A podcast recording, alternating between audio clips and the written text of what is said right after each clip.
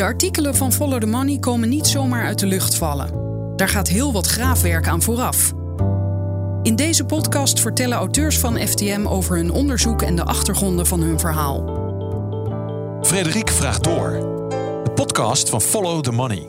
Wat is de naam van de gemeente waarin uw partij of afdeling meedoet aan de gemeenteraadsverkiezingen van 2022? Wat voor partij bent u? Een zelfstandige lokale partij, een afdeling van een landelijke partij, onderdeel van een lijstverbinding of anders? In welk jaar is uw lokale partij of afdeling ongeveer opgericht? Hoe hoog is de begroting van uw lokale partij? Hoe hoog is de financiële steun die u ontvangt van uw moederpartij, mocht die er zijn? Enzovoort, enzovoort, enzovoort. Dennis Lamy, welkom in de podcast. Frederik, dankjewel. Wat lees ik hier? Jij leest um, een, een, aantal vragen op uit een vragenlijst, een enquête die wij uh, hebben verstuurd. Remy Koens, datajournalist uh, en ondergetekende, hebben een vragenlijst rondgestuurd naar alle lokale partijen in Nederland. Um, dat zijn dus de lokale partijen, onafhankelijke, ja, je noemde het al, de onafhankelijke lokale partijen, maar ook de afdelingen, lokale afdelingen van landelijke partijen. En alles wat ertussen zit, regionale samenwerkingsverbanden, lijstverbindingen, Um, Hoeveel partijen zijn dat? Dat zijn om en bij de 3000. En um, nou ja, goed, we willen graag achterhalen hoe zij um, aan geld komen, even plat gezegd en korter de bocht. Maar daar kunnen we straks nog iets meer over vertellen. Maar ja. En, en zijn jullie zo optimistisch dat jullie denken dat iedereen dit braaf gaat invullen? Uh, nee. nee. nee, dat is heel simpel. Het, het is, uh, nee, het is uiteraard op vrijwillige basis. En uh, wat je hoopt is dat partijen meewerken omdat ze het belangrijk vinden om transparant te zijn. En om in de democratie die wij nog altijd zijn in dit land, um, nou ja, hier een beetje bij te dragen door te laten zien uh, nou wie jouw donateurs zijn, hoe je geld komt en hoe of wat. Of het gaat lukken, dat, we zijn nu onderweg. We hebben het onlangs weggestuurd. Ehm, Hoeveel tijd hebben ze gekregen van jullie? Een week of tweeënhalf, kleine drie weken. Ja. En 3000 partijen, dat is behoorlijk hè? Ja. Nou ja, inclusief dus lokale afdelingen van landelijke partijen. Nou ja, oké. Okay. Maar dat is in, nog steeds veel, dat klopt. In 400, zeker. hoeveel gemeenten hebben ja, we ook 300 weer? en een oh, beetje. 300 ja. en een beetje. Ja. Um, kon je van alle partijen mailadressen vinden of andersoortige Um, adressen? Nou, van de grote partijen wel. Dat heeft Remy gedaan. Die heeft dat zogenaamd gescraped, zoals het dan zo mooi heet. Dat is een van de techniek waar ik ook niet heel veel verstand van heb. Uh, waarbij je dus uh, websites... Uh, ja, de naam zegt het al, scraped. Schraapt, hè? Schraapt, inderdaad. Op zoek naar e-mailadressen die daaraan gelieerd zijn. En nou ja, zoiets, zo ongeveer moet ik het uitleggen, geloof ik. Um, en als het goed is, krijg je dan een heleboel lokale mailadressen van afdelingen die daarmee samenhangen. Uh, in een ander geval heb je dus gewoon los op zelfstaande websites van lokale partijen. Um, die ik het dus op mij heb genomen om die te gaan verzamelen. Dat was iets meer werk. Het was eigenlijk gewoon handwerk. Het was gewoon copy-paste eigenlijk. En dat, ja, dat was wel even een, flink, een, een klusje, ja. Laat ik het dan maar zo zeggen. Het is wel grappig dat je dit zegt. Ik heb er niet zoveel verstand van. Want dit gebeurt tegenwoordig steeds vaker hè, bij Follow the Money. De, ja. Dat redacteuren samenwerken met de, de datajournalisten. Dat zijn er inmiddels ook meerdere Absoluut. bij Follow the Money. Het helpt enorm. Maar dat betekent ja. volgens mij ook uh, vaker, maar misschien vergis ik me, uh, dat je van tevoren aan iets begint en dat je nog helemaal niet weet of daar een verhaal uitkomt. Ja, nou ja, je hebt altijd wel een verhaal. Kijk, in dit geval, het is zo simpel als niemand meewerkt, heb je eigenlijk ook een verhaal. Want ja, maar niemand is heel is... slecht gesteld met de, met de transparantie van politieke partijen in Nederland. Maar goed, dat is misschien een beetje flauw. Maar nou ja, zou ik wel een verhaal vinden. Maar oké, okay, dat uh, daar gaan we niet vanuit volgens nog. Uh, maar goed, stel nou dat de helft antwoordt. Ja, nou ja, dan heb je in ieder geval toch 1500 me, Dan krijg je inzicht. Die hebben. Ja. ja. Maar nu, ik bedoel eigenlijk meer, nu weet jij nog niet wat. Je hebt niet nee. bijvoorbeeld een tip gekregen van nee. uh, Dennis, moet nee, je nou klopt. eens horen. Lokale partijen die Ja. zijn enorm schimmig en die, Ja. die willen niks. Dat weet je allemaal nog niet. Nee, dat klopt. Is dat voor jou een nieuwe manier van werken? Of? Nou ja, ik weet niet of er heel veel verschil in zit eigenlijk met wat je anders doet. Normaal gesproken, stel je, je hebt het niet over data, maar je hebt het over mensen die, uh, met wie je contact hebt om ergens achter te komen. Of documenten die je door gaat spitten. Ja, je weet nooit, nooit van tevoren natuurlijk helemaal waar je uitkomt. Je hebt vaak wel een idee, maar of dat ook echt klopt, dat moet je echt toetsen aan wat je vervolgens uh, tegen gaat komen. Dus ik snap wel wat je bedoelt, maar ik denk dat het uiteindelijk uh, niet heel veel verschilt met, uh, met, de methodiek van, van, toetsen of het wel of niet klopt en of je bevindingen wel enige ja, realiteitszin betreffen. Dus nee, ik, zie, ik geloof niet dat het nou echt elkaar bijt of dat het echt heel grote verschillen zijn. Oké, jij doet dit onderzoek in het kader van jouw dossier financiering van politieke partijen. Dat loopt al een aantal jaar. Ja. En een van de dingen die me wel opvalt is dat uh, soms uh, mensen reageren als jij dan, hup, daar is eindelijk je stuk waar je weken aan gewerkt hebt, soms maanden. Mhm.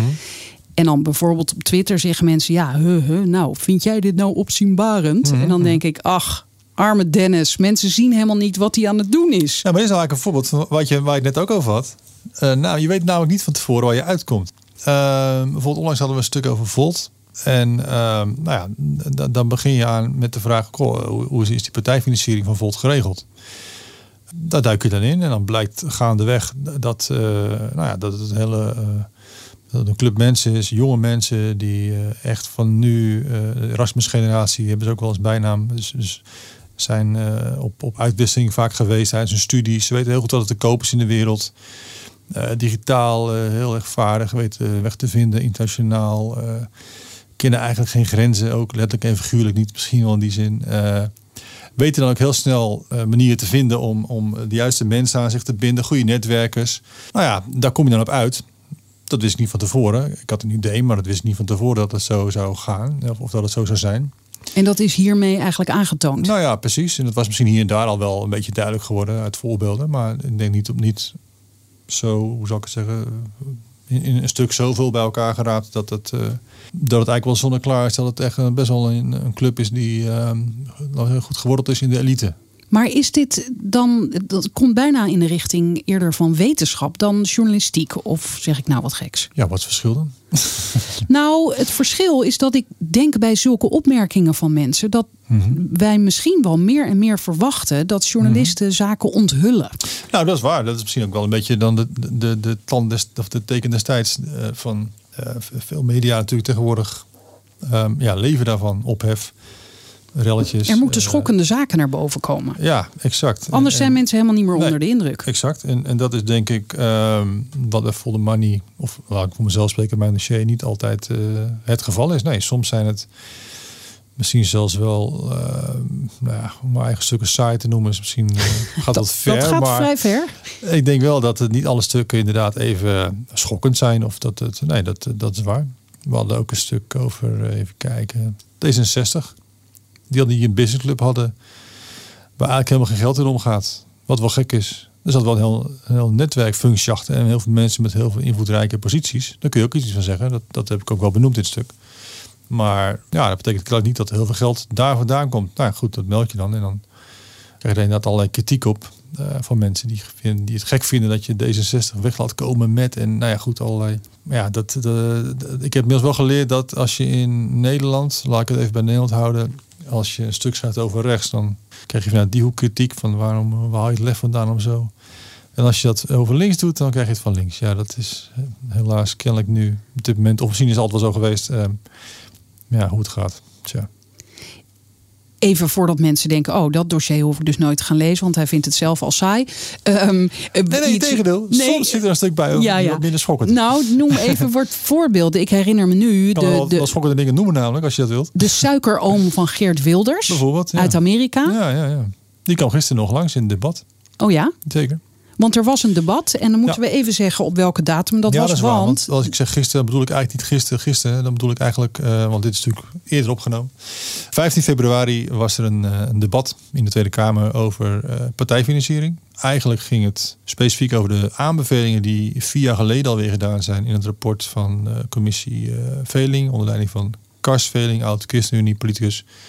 Die had de wet financiering uh, politieke partijen uit 2013 uh, had die onderzocht samen met een aantal experts, onder andere Gert Voerman en Saar de Lange. En die, uh, nou, die gaf daar een aantal aanbevelingen en die werden besproken. Dit is gewoon een, een hele normale evaluatie? Eigenlijk wel, maar ja, ik, zei het al, 2018, uit 2018 stamt het rapport. We zitten inmiddels 2022, dus het geeft al aan hoe weinig urgentie er wordt gegeven aan dit soort onderwerpen. En dat is, dat is natuurlijk wel eigenlijk het meest zorgelijke van dit hele verhaal. Nou, is, is, dat de conclusie? Of, of moeten we dan zeggen, ja, maar corona? Nou, nee, je, je kan er gewoon praten over. Er wordt er gewoon, dit is altijd, altijd gewoon, is gewoon doorgaan met debatteren toch, over alles en nog wat. Dus waarom zou je niet over dit onderwerp kunnen praten? Nee, ik denk sterker nog, ik denk dat, um, uh, nou ja, vier jaar geleden werd dit, uh, had veel in dit rapport. En nou goed, sommige experts van Greco, maar ook een andere Krauwel, politicoloog, die, die zeggen wel van nou, het kan eigenlijk nog wel iets verder. Ja, heel even. Want Greco is een Europese organisatie die landen uh, scherp in de gaten houdt. En die al jaren zegt Zeker. dat Nederland, wat zeggen ze ook alweer? Uh, ja, het is een soort Europese waakhond voor, tegen corruptie. En die, uh, die doen zoveel jaarlijkse evaluaties. Ze doen dat om de vier, vijf jaar. en doen daarin ook al aanbevelingen, eigenlijk net zoals de commissie Veling. En eigenlijk is het zo dat vanaf het moment dat zij dat gaan, zij gaan doen, ja, heel, heel langzaam uh, daar verbeteringen uit voortkomen uh, in Nederland. Uh, Nederland is wat dat betreft eigenlijk echt een beetje een wilde westen. Wilde westen? ja, absoluut. Op het gebied van partijfinanciering. Er kan hier bijna alles, zou je kunnen zeggen. Serieus? Hoezo, hoezo alles? Nou, nou ja, als je kijkt naar Duitsland heb je maximum aan donaties. Dat is gisteren, of dat is 15 februari ook besproken in het debat. Maar of dat er gaat komen, dat moet nog gestemd gaan worden. Uh, en tegen de tijd dat deze podcast uitkomt, eh, zal die stemming bekend zijn. Maar die weet ik op dit moment nog niet. Maar uh, dat, dat zal lastig worden. Dat moeten we gaan bezien. Maar, uh, Want ik, nu kan je bijvoorbeeld een miljoen geven. Dat kan. Aan een partij. Ja. Als je het maar wel openbaar maakt. Hè? Zeker, dat is waar. Tenminste, de partij moet dat melden. Dat, ja, absoluut. De... En in Duitsland kan dat helemaal niet. Nee, daar heb je maximum wat dat betreft. Uh, een goed voorbeeld is een, was een donatie uit Nederland van 150.000 euro. Van twee broers, uh, Berghout heten ze, uit de buurt van Den Haag. Die hadden 150.000 euro overgemaakt naar de AFD, Alternatief voor Duitsland. En, uh, ik die kregen dat terug? Ja, precies. Ik denk dat oh. zij niet op de hoogte waren van de wetgeving daar. Want die kwam inderdaad, die gif, die gif kwam, die kwam terug, want dat mocht niet. Dat mag gewoon niet. Wat is daar het maximum? Eh, weet ik niet in mijn hoofd. Ik geloof 100.000. Maar dat wil ik even vanaf zijn. Oké, eh, want hier is het maximum. Uh, is geen maximum in Nederland. Geen maximum, maar ik bedoel, ik doel eigenlijk op het maximum vanaf wanneer je het moet gaan melden is 4500. Oh, dat is, ja, dat klopt. Ja, dat is zeker waar. Ja. Maar het is hier het wilde westen, zegt Greco. Nou ja, kijk, wat ik, als je bijvoorbeeld, nu komen we bij, bij, bij wat meer schokkende stukken die we geschreven hebben, denk ik. Geert Wilders bijvoorbeeld, die kreeg geld vanuit Amerika. Dat ging via een stichting. Dat kan dan ook op een stichting van Geert Wilders terecht. En een stichting hoeft in Nederland niet te openbaren, hoeft zijn financiën niet te openbaren. Nou ja, dat ging om een bedrag van 213.000 eh, dollar. Uh, ruim 213.000 dollar. En daar kwamen we achter niet omdat wij iets zagen aan de kant van Wilders. Want het ging om een stichting waar het geld op gestort werd vanuit Amerika. Maar daar kwamen we achter omdat aan de andere kant, bij de gever dus, bij Robert Shillman in uh, Amerika, dat was de donateur uh, vonden wij in een zogenaamd uh, eh, 990 document van de Amerikaanse Belastingdienst, zagen we een bedrag op, die, die 213.000 dollar. Um, die, zou, die werd overgemaakt naar de naam van de stichting die Wilders dus had opgegeven. En zo kom je daarachter. Maar dat is natuurlijk een enorme indirecte, gekke manier om, uh, om erachter te komen. En dan zie je tijdens het debat Martin Bosma enorm tekeer gaan tegen eigenlijk alle partijen. En het deugt allemaal niks van. Maar ja, toen partijen hem vroegen naar deze eh, donatie. Uh, want er kwam nog alles wat voorbij van Vol Money eh, tijdens dat debat. ja, dan geeft hij weer niet thuis en dan, dan maakt hij een grapje vanaf. maar ja, hier werd ook een vraag over gesteld. Ja, zeker. Ja, absoluut. Ja, ja. Maar ja, het flauw is dat er dan toch niet over gesproken wordt. Of dat gaat ze er toch niet op in. Je weet hoe het gaat. Ze... Omdat, waarschijnlijk omdat andere partijen ook dat via stichtingen doen soms. Uh, niet allemaal, maar uh, je ziet het vooral bij de PVV. Nou ja, laat ik het zo zeggen. Tot nu toe heb ik het gezien bij de PVV, bij de VVD, CDA, D66, SGP, Forum. Dat is eigenlijk wel de belangrijkste. Dat, is dat toeval dat het allemaal aan de rechterkant zit? Zou ik niet durven zeggen. Ik heb wel daar met experts over gesproken. En een politicoloog zei wel tegen me: ja, het is niet zo heel gek dat, het, uh, dat dit soort dingen gebeuren bij in ieder geval op zijn minst, los van politieke kleur, machtspartijen bestuurderspartijen. Om de simpele reden dat daar wat te halen valt. Als jij invloed wilt en iets gedaan wilt krijgen, ja, dan ga je daar naartoe. Dus ga je naar de VVD. Want ja, die regeren al tien jaar. Of twaalf jaar inmiddels. Dan ga je naar het CDA, die al, al, al sinds 28.000 jaar in het parlement zit en heel veel invloed heeft op D66. En ja, dat zie je wel gebeuren, ja. Ja, Bosma had trouwens nog wel een, eh, een, een goed punt. Uh, weliswaar met enig boot op zijn hoofd. Omdat hij natuurlijk ook wel iets uit te leggen had eigenlijk over die donatie vanuit Amerika. Maar goed, uh, dat even terzijde. Um, hij zei eigenlijk, hij suggereerde eigenlijk dat bij de invoering van partijen dat daarmee de problemen begonnen zijn. Hij zei, uh, vroeger had je afgevaardigden van districten. Heel lang geleden bedoelde hij. Heel lang geleden inderdaad. Um, en um, nou ja, toen had je dus nog niet, laten we zeggen, de concentratie van macht en invloed die je tegenwoordig wel in partijen ziet. Men was toen nog op persoonlijke titels zat men daar. kun je natuurlijk ook van alles van zeggen. Uh, misschien was je toen net zo uh, stond je net zo over voor corruptie. Maar goed, dit terzijde. Uh, maar in ieder geval met die partij is natuurlijk een heel groot apparaat op gang gekomen. Uh, dat zijn enorme molochen. En maar ook vooral nou ja, machtsblokken, concentraties van invloed. Waar je wilt zijn als je iets wilt. als je een ondernemer bent en je wilt invloed hebben of kopen. Nou ja, dan ga je naar dat soort clubs toe. Dus daar had hij wel een punt, vond ik. Mm, ja, maar dan moet ik wel meteen denken aan het feit, ja, de PVV heeft geen leden. Dan kan je lekker makkelijk zeggen, ja, het zit dus bij de partijen met al die leden. En dat is ook het hele punt. Kijk, ik denk dat er eigenlijk geen manier te bedenken valt of je nou, uh, of je nou een partij opricht, of dat je daar in je eentje zit, of dat je het.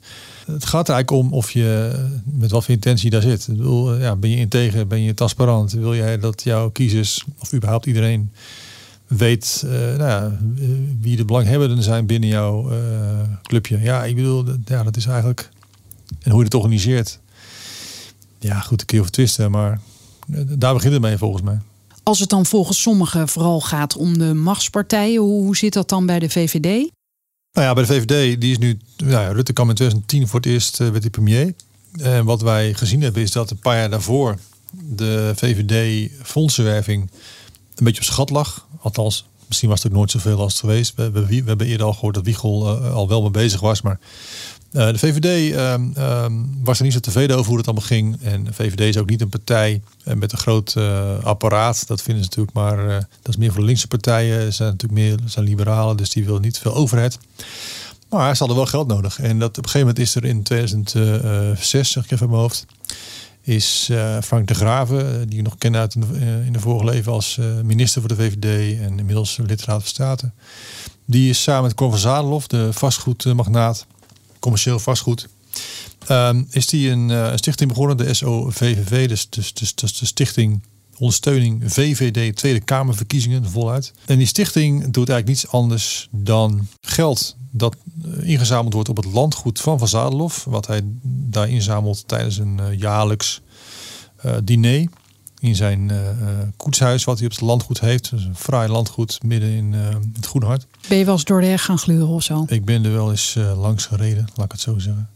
en met een, drone ben je toen gaan kijken? Nee joh, nee joh, hou op zeg. het zou leuk geweest zijn, maar nee.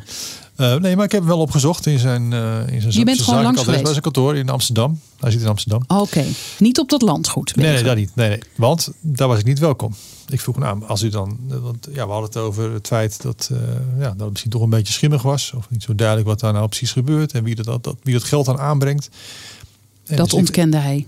Nou nee, ja, ontkende eigenlijk helemaal niks. Hij zei nee, inderdaad, wij zijn gewoon een paar vrienden, een club vrienden en we zijn allemaal het liberaal erfgoed uh, toegedaan. Dus uh, nou ja, ik, ik organiseer dat. Ik, ik stel daar mijn landgoed voor open. En uh, ik nodig mensen uit en nou, we verzamelen geld in. En dat geld dan gaat dan vervolgens naar de campagnekas van de VVD. En je ziet ook in de afgelopen 10, 12 jaar dat dat, nou, dat dat geregeld terugkomt. En dat het dus om flinke bedragen gaat. En ja. Dat zei hij of dat zeg jij nu? Nou, dat zegt hij en dat zeg ik. Maar dat staat ook gewoon in de boeken. Dat is allemaal openbare informatie. Maar je ziet gewoon dat dat invloed heeft. Want namelijk het VVD kan daar veel meer campagne voeren. Uh, helemaal bewijzen kun je denk ik helemaal nooit. Maar ja... Um, uh, Wat kan je nooit helemaal bewijzen? Dat er een, een, een directe verband is tussen uh, meer geld en verkozen worden. Maar het is een feit dat Rutte al sinds dat deze stichting zo lekker bezig is voor de VVD... nou ja, als een tier die draait en, en enorm veel uh, advertenties kan kopen en, en publicitaire slagkracht heeft. Nou, dat koop je. En dat koop je onder andere met dit geld. En uh, een aantal mensen hebben we kunnen achterhalen. En Zadelof is, van Zadelof is dan misschien een beetje het boekbeeld van die club. Maar ja, geen flauw idee wie er allemaal bij de club zit. En dat wilde jij graag... komt er wel een veroordeelde moordenaar bij die club en geeft hij geld in de VVD. We weten het niet. Misschien zijn het allemaal heel brave mensen, maar we weten het niet. En daar gaat het om. Je weet niet wie er allemaal. En daarom zei jij: uh, vindt u het goed als ik ook kom? Exact. Maar dat vond ik niet zo'n goed idee. Nee, dat is een grote club. Het is al een vriendenclub. En dat, nou goed, werd een beetje, een beetje, een beetje gedaan alsof dat, uh, het gewoon allemaal niet schokkend is. En ja, het is allemaal privé. En uh, nou ja, goed, gaan we rustig slapen. En dat is allemaal niet zo'n probleem. wij zorgen wel dat het goed komt allemaal. Maar ja, ondertussen weet je gewoon niet eigenlijk wie er dat geld allemaal in die stichting stopt. om dat uiteindelijk over te maken naar de VVD. Ja, want dat is natuurlijk stap 2. Stap 1 is uh, het geld overmaken. En stap 2 is dat jij wil onderzoeken of er dan ook daadwerkelijk invloed uh, bij komt kijken. Ja. En dat was uh, onder andere het geval bij het CDA. Dat klopt. Wij vonden daar een, ja, hoe zou ik het zeggen, een passage in het verkiezingsprogramma. Waar, en dat, dat overlapte eigenlijk één op één met de belangen van, van niet alleen van, de, van een donateur, de grootste donateur, Hans van der Wind. Maar het overlapte zelfs zo erg dat er gewoon een, ook een, een soortzelfde linea, alinea stond op de, de bedrijfspagina van Van de Wind. Van het bedrijf The Learning Network het vroegere Van Dijk Schoolhuis. Dat kennen meer mensen misschien. Ja. En ja, goed, dat, dat was zo één op één. Uh, en wat wilde hij graag dat het CDA zou doen? Uh, meer budget voor uh, bijscholing, scholing van schoolleiding, digitale cursussen, noem maar op. En dat is nou net hetgene waar het vroegere Van Dijk, tegenwoordig dus de Learning Network, een beetje op achterloopt, het moeilijk in heeft. En ja, nou ja, dat is natuurlijk wel toeval. Maar als je dat dan optelt bij het feit dat Van de Wind geen donaties gaf toen de jongen nog leider zou worden of was. Hugo de Jonge. Want Hugo de Jonge was in eerste instantie gekozen tot uh, de, de, lijsttrekker. voor de verkiezingen. En die is toen op een gegeven moment aan de kant geschoven. Eigenlijk onder druk, weten we van Pieter Omzicht en zijn memo die hij toen uitlekte. Uh, onder druk van de sp grote sponsoren, onder leiding van uh, Van de Wind. En toen, uh, die wilde ook geen, geen geld geven. Dat weten we ook uit die, uh, die memo van. Bijna, dat klinkt bijna als chantage. Van als jullie doorgaan met de jongen, dan kom, kom ik ook niet door met mijn geld. Ik hoor het u zeggen, ja. ja. Want daarna kon er opeens heel veel. En werd er opeens uiteindelijk zelfs iets, meer, iets, iets, van een miljoen gegeven. Iets meer zelfs, 1,2 miljoen. Nou ja, dat zijn natuurlijk hele gekke dingen eigenlijk. Als je daar naar kijkt. En dan weet je gewoon, dit klopt niet. En daar kunnen we heel naïef over zijn en zeggen ja, maar we hebben er niet bij gezeten. Maar als je dat zo één op één ziet, dus de belangen van iemand, Hans van der Wind, die ook nog eens een keer in het campagneteam van Hoekstra ging zitten en hoofd is van het team van het CDA. Ja, dat, dan, dat leidt ongezonde situaties. En dat zijn niet eens mijn woorden. Dat heb ik uiteraard aan experts voorgelegd uh, die dat zeiden. Maar ja. Is daar nou enige ophef over ontstaan? Nou ja, toen wel. Dus het is wel heel veel in de pers geweest, zeker. Um, maar vinden bijvoorbeeld de andere partijen dat schokkend genoeg om te zeggen: dit kan zo niet? Uh, het, af en toe dan zie je wel eens, er worden wel eens kamervragen gesteld. En ook uh, Olle heeft wel uh, opheldering gevraagd toen, toen wij een stuk publiceerden over de VVD. Toen zij nog minister van Binnenlandse Zaken exact. was. En nou, inderdaad was haar portefeuille. En, maar goed, ja, vervolgens hebben we daar natuurlijk nooit meer iets van gehoord. En dat is natuurlijk ook een beetje het, de, de, de, de clue van het hele dossier, uh, of de clue, de, het, het, het, het, jammerlijke eigenlijk zou ik willen zeggen. Partijfinanciering gaat eigenlijk over, volgens mij, over uh, gezonde democratie en een gelijk speelveld. En dat gelijke speelveld, dat zie je de laatste jaren eigenlijk uh, enorm schuiven. Want ja, als jij een miljoen krijgt voor je verkiezingscampagne, dan kan je gewoon meer reclame maken. Veel verschil in Nederland. Ja. Precies. Kijk, in Amerika gaat het om honderden miljoenen. Um, daar hebben we het niet over. Maar in Nederland is een miljoen euro nog steeds ontzettend veel geld. Uh, in campagnetijd. Dan, dan, daar koop je al bijna verkiezingen mee. Toen D66 uh, van tech-miljardair Steven Schuurman een miljoen kreeg. Nou, ik weet niet of je nog kan herinneren, maar het, was kaag voor, kaag na. Overal waar je liep op straat, op internet, je kon je telefoon niet openen, je laptop of wat. En overal zag je advertenties uh, en jingles en weet ik wat allemaal van, van kaag en D66. Nou ja, dat is het verschil wat het maakt. Je, je, je kunt zoveel meer media aanwezigheid kopen. Uh, ja, dat, dat, maakt toch verschil. Dat weet je uit de reclame. Zo simpel is het. Maar even in het algemeen, hoe, hoe denkt men daar nu dan over? Moeten wij. Nee, nou, men. Net, net vroeg ik naar de andere partijen, maar ook. Ik, ik ga nu even die vraag stellen: moeten wij dit met z'n allen willen? nou ja, als je mij vraagt, zou ik zeggen: nee, niet. Zeker niet. Ik, ik denk dat geld niet een, uh, een, een doorslaggevend uh, middel moet zijn bij verkiezingen. Ja, je, dat zou toch niet om denkbeelden moeten gaan. Om een visie. Ja. Waar wil je naartoe met het land? En dat Wat is dat ook alweer een visie? Ja, nee, grapje. Maar, eh, maar ooit wilden we dit niet. Of gebeurde dit niet. En het gebeurt dus kennelijk steeds vaker. En dan wordt er over gedebatteerd. En jij vertelde net, maar je hebt nog niet alles verteld. Dat er dan komen die zaken wel voorbij. Maar, maar dan, dan, nou ja, dan Het is ooit begonnen. Misschien is het goed om dan een beetje klein beetje uitleggen hoe het ooit begonnen is. In 1970, nee 72 is het, is het ingevoerd dat partijen subsidie kregen. Het was in eerste instantie bedoeld om de wetenschappelijk bureaus van de toen de grote partijen om die wat uh, financiële aanslag te geven. Uh, dat kwam mede omdat ook toen al uh, ledenaantallen terugliepen. Nu is het helemaal dramatisch, maar dat was, was toen ook al aan een uh, was dalen. De partijen zagen toen al in van ja, voor mij gaan wij geld verliezen in de toekomst. Dus misschien is het goed om daar in ieder geval uh, wat voor uh, te bedenken. En iedereen kreeg evenveel? Ja, en dat is, later is dat eigenlijk... Uh, nou nee, nee, het was wel naar ratio. en toen is op een gegeven moment is dat door de jaren heen uitgebreid ook naar subsidie voor jongerenclubs, scholingsactiviteiten, noem het allemaal op. Eigenlijk alles wat een politieke partij een politieke partij maakt. Dus oftewel, men dacht, en, vond toen ook al, partijen hebben wel wat geld nodig. Ja, inderdaad. En uiteindelijk in 1999 is het zo geweest dat partijen zelf ook rechtstreeks voor het eerst subsidie kregen. Nou, dat was in eerste instantie nog een bescheiden bedrag. En dat is op een gegeven moment doorgroeid, doorgroeid. Um, tot in 2019 um, een motie van uh, D66, toen nog uh, politicus, Tweede Kamerlid Rob Jetten. Inmiddels natuurlijk bewindsman. Die pleitte voor nog meer geld, want die vond het eigenlijk maar te weinig. En daarom is het zo dat tot 2024, zeg ik aan mijn hoofd, um, zo'n 60 miljoen te verdelen is onder de partijen. Dus je moet het zien als een taart. En naar ratio van de grote krijg een punt van die taart. Um, dus dat is een behoorlijk bedrag. En dat is op dit moment de stand van zaken binnen subsidieland voor politieke partijen in Nederland. En al die tijd was er ook al sprake van giften? Ja.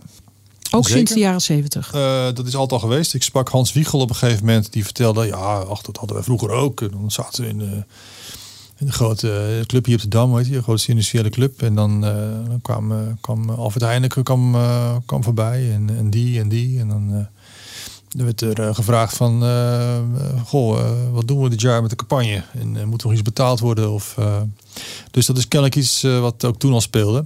Alleen kun je wel, dat zie je wel, door de jaren heen zijn de, de campagnes wel professioneler geworden. Er worden nu communicatiebureaus ingehuurd. Er worden enorm veel spotjes gemaakt. Veel meer dan vroeger natuurlijk. Ja, vroeger natuurlijk ook maar.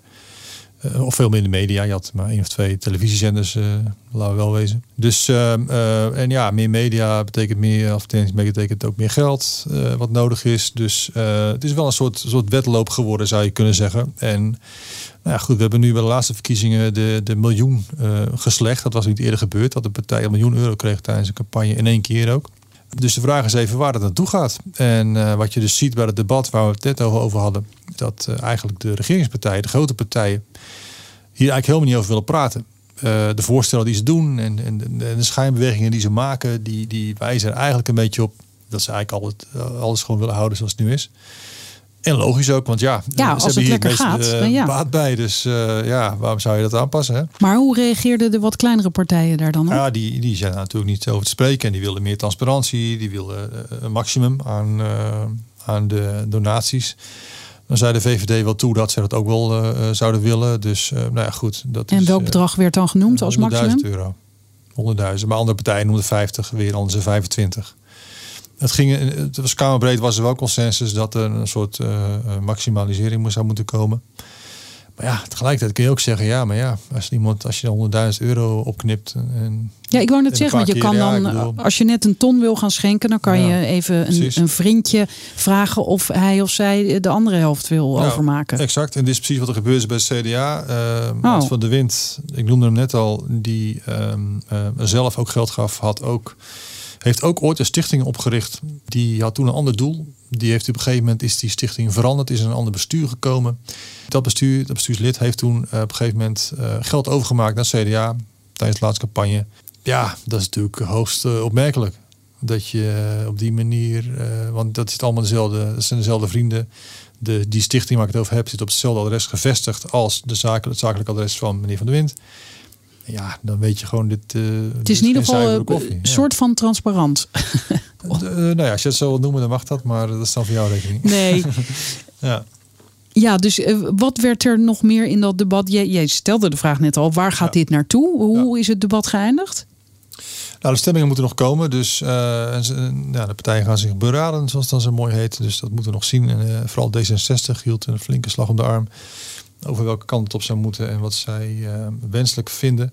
Ja, er kwamen een aantal dingen aan bod. Uh, omzicht uh, die zei bijvoorbeeld van dat het optellen van giften zodat de 4500 euro ontdoken kan worden. Ehm, dat zou vermeden moeten worden. Dus dat zou in de wet verankerd moeten worden. Dus inderdaad dat je niet drie keer uh, 43 of 4400 euro uh, gaat geven. En dat je dan niet hoeft te melden omdat het onder dat wettelijke openbaringsmaximum blijft. Nou, dat lijkt me een hele goede zaak inderdaad. Uh, van mij betreft doe het vanaf 0 euro. Maar goed, dat, of dat haalbaar is, dat weet ik niet. Het, het wordt eigenlijk altijd weer een compromis. En, en dat schenken via een stichting, is dat mm. ook aangekaart? Dat is zeker aangekaart. Alleen dat, ja, nou ja, de VVD wil niet. D66 was er wat onduidelijk over. Ik of het er doorheen komt, ik vraag hem af. De, de, ik, ja, het hangt een beetje af van uh, of, of, of, de regeringspartijen allemaal, of, of ChristenUnie er ook in meegaat. Maar, maar zou dat de transparantie uh, behoorlijk vergroten? Als die stichtingen niet meer mogen Absoluut. geld Kijk, mogen overmaken? Ja, natuurlijk. Kijk, stichtingen zijn uiteindelijk een soort zwarte gaten waar geld uit voort, waar je geld instopt en waar geld uitkomt, waarvan niemand weet wie het erin gestopt heeft en wat ermee gebeurd is in die stichting. En nou ja, goed, ja, dat lijkt me zeker een goede. En dan nu de, de lokale verkiezingen die eh, ja. eraan komen. Mhm. Ehm, hoe zit dat eigenlijk bij de lokale partijen? Krijgen zij ook subsidie? Nee. Nee, althans, ze krijgen uh, wel um, um, een soort, ja, hoe zou je dat zeggen, een soort bijdrage van de gemeente. Althans, niet overal, maar sommige gemeenten doen dat. Uh, dat is uh, om, vooral bedoeld ter ondersteuning van de, van de lokale fractie. Maar dat noemen we toch subsidie? Dat is subsidie, zeker. maar dat is dan, ja, het is geen geoormerkt geld. Want je, maar goed, het is daar Je mag ermee doen wat je wil. Precies. Uh, maar uit de vragenlijst die wij, waar we het net over hadden, die wij uitgestuurd hebben, is al wel duidelijk geworden dat er ook uh, genoeg partijen zijn die het gebruiken voor campagnes.